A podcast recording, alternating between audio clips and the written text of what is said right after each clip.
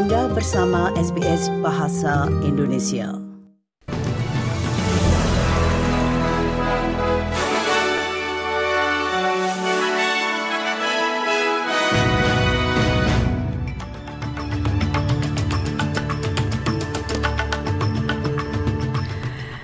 Warta berita SBS audio untuk hari Rabu tanggal 9 Agustus. Sari berita penting hari ini, Commonwealth Bank mengungkapkan rekor laba 10,2 miliar dolar. Analisis menemukan bahwa penyewa dapat menghemat 3 miliar dolar jika pembekuan sewa nasional diterapkan. Dan Kyle Chalmers pensiun dari renang setelah Olimpiade Paris. Berita selengkapnya. Commonwealth Bank telah membukukan laba sebesar 10,2 miliar dolar, naik 5 persen dari tahun keuangan sebelumnya. Suncorp Group juga membukukan kenaikan laba tunas tahun penuh sebesar 68,6 persen, bangkit kembali dari kerugian pada portfolio investasinya yang berdampak pada pengembalian tahun sebelumnya.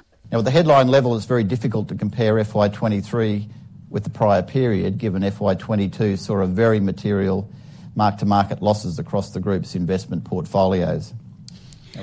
Penyelidikan parlemen terhadap pengadaan persemakmuran telah menemukan departemen dan lembaga federal telah gagal mematuhi aturan dan mendapatkan nilai uang untuk pembayar pajak.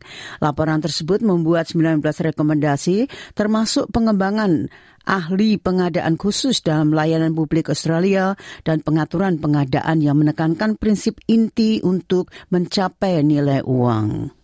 Procurement is indeed big business. Over $80 billion in 21-22, awarding more than 90,000 contracts to more than 12,000 businesses.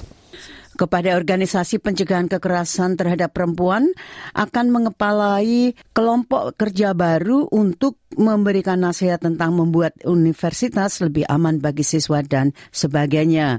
Patty Kennersley dari Our Watch telah ditunjuk menjadi kelompok kerja yang akan berkonsultasi dengan kelompok advokasi dan memberikan saran tindakan untuk meningkatkan tata kelola universitas.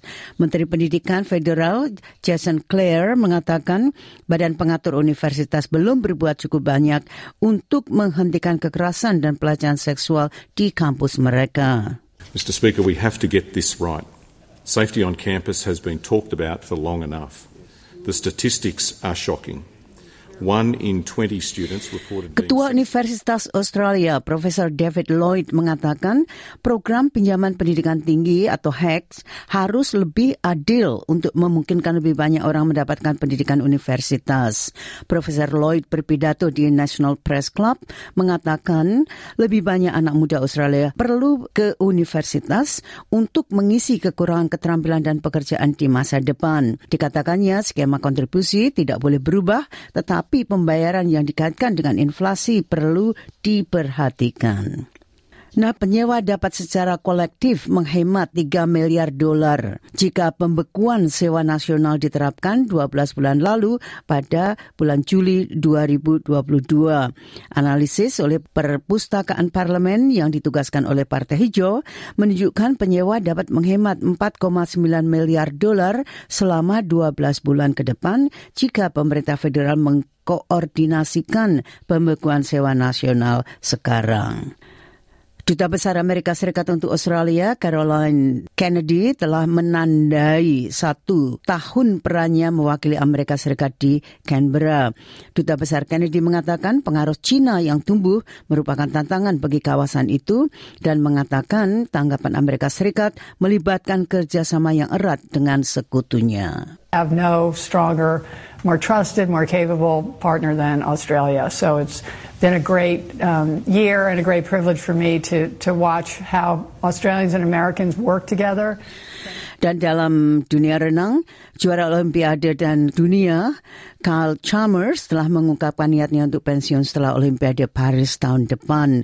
Itu datang lebih dari seminggu setelah kemenangannya yang menakjubkan dalam gaya bebas 100 meter putra di kejuaraan dunia di Jepang.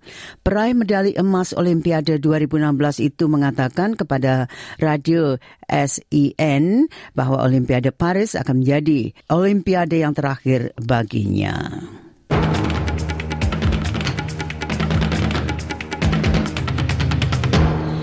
Sekali lagi sari berita penting hari ini, Commonwealth Bank mengungkapkan rekor laba 10,2 miliar dolar.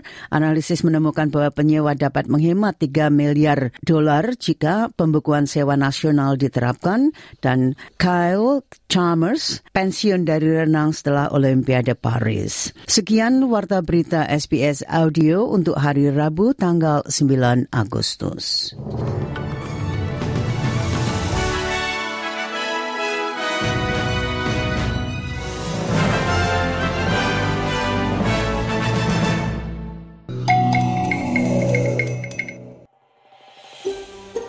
Anda ingin mendengar cerita-cerita seperti ini? Dengarkan di Apple Podcast, Google Podcast, Spotify, atau di mana pun Anda mendapatkan podcast Anda.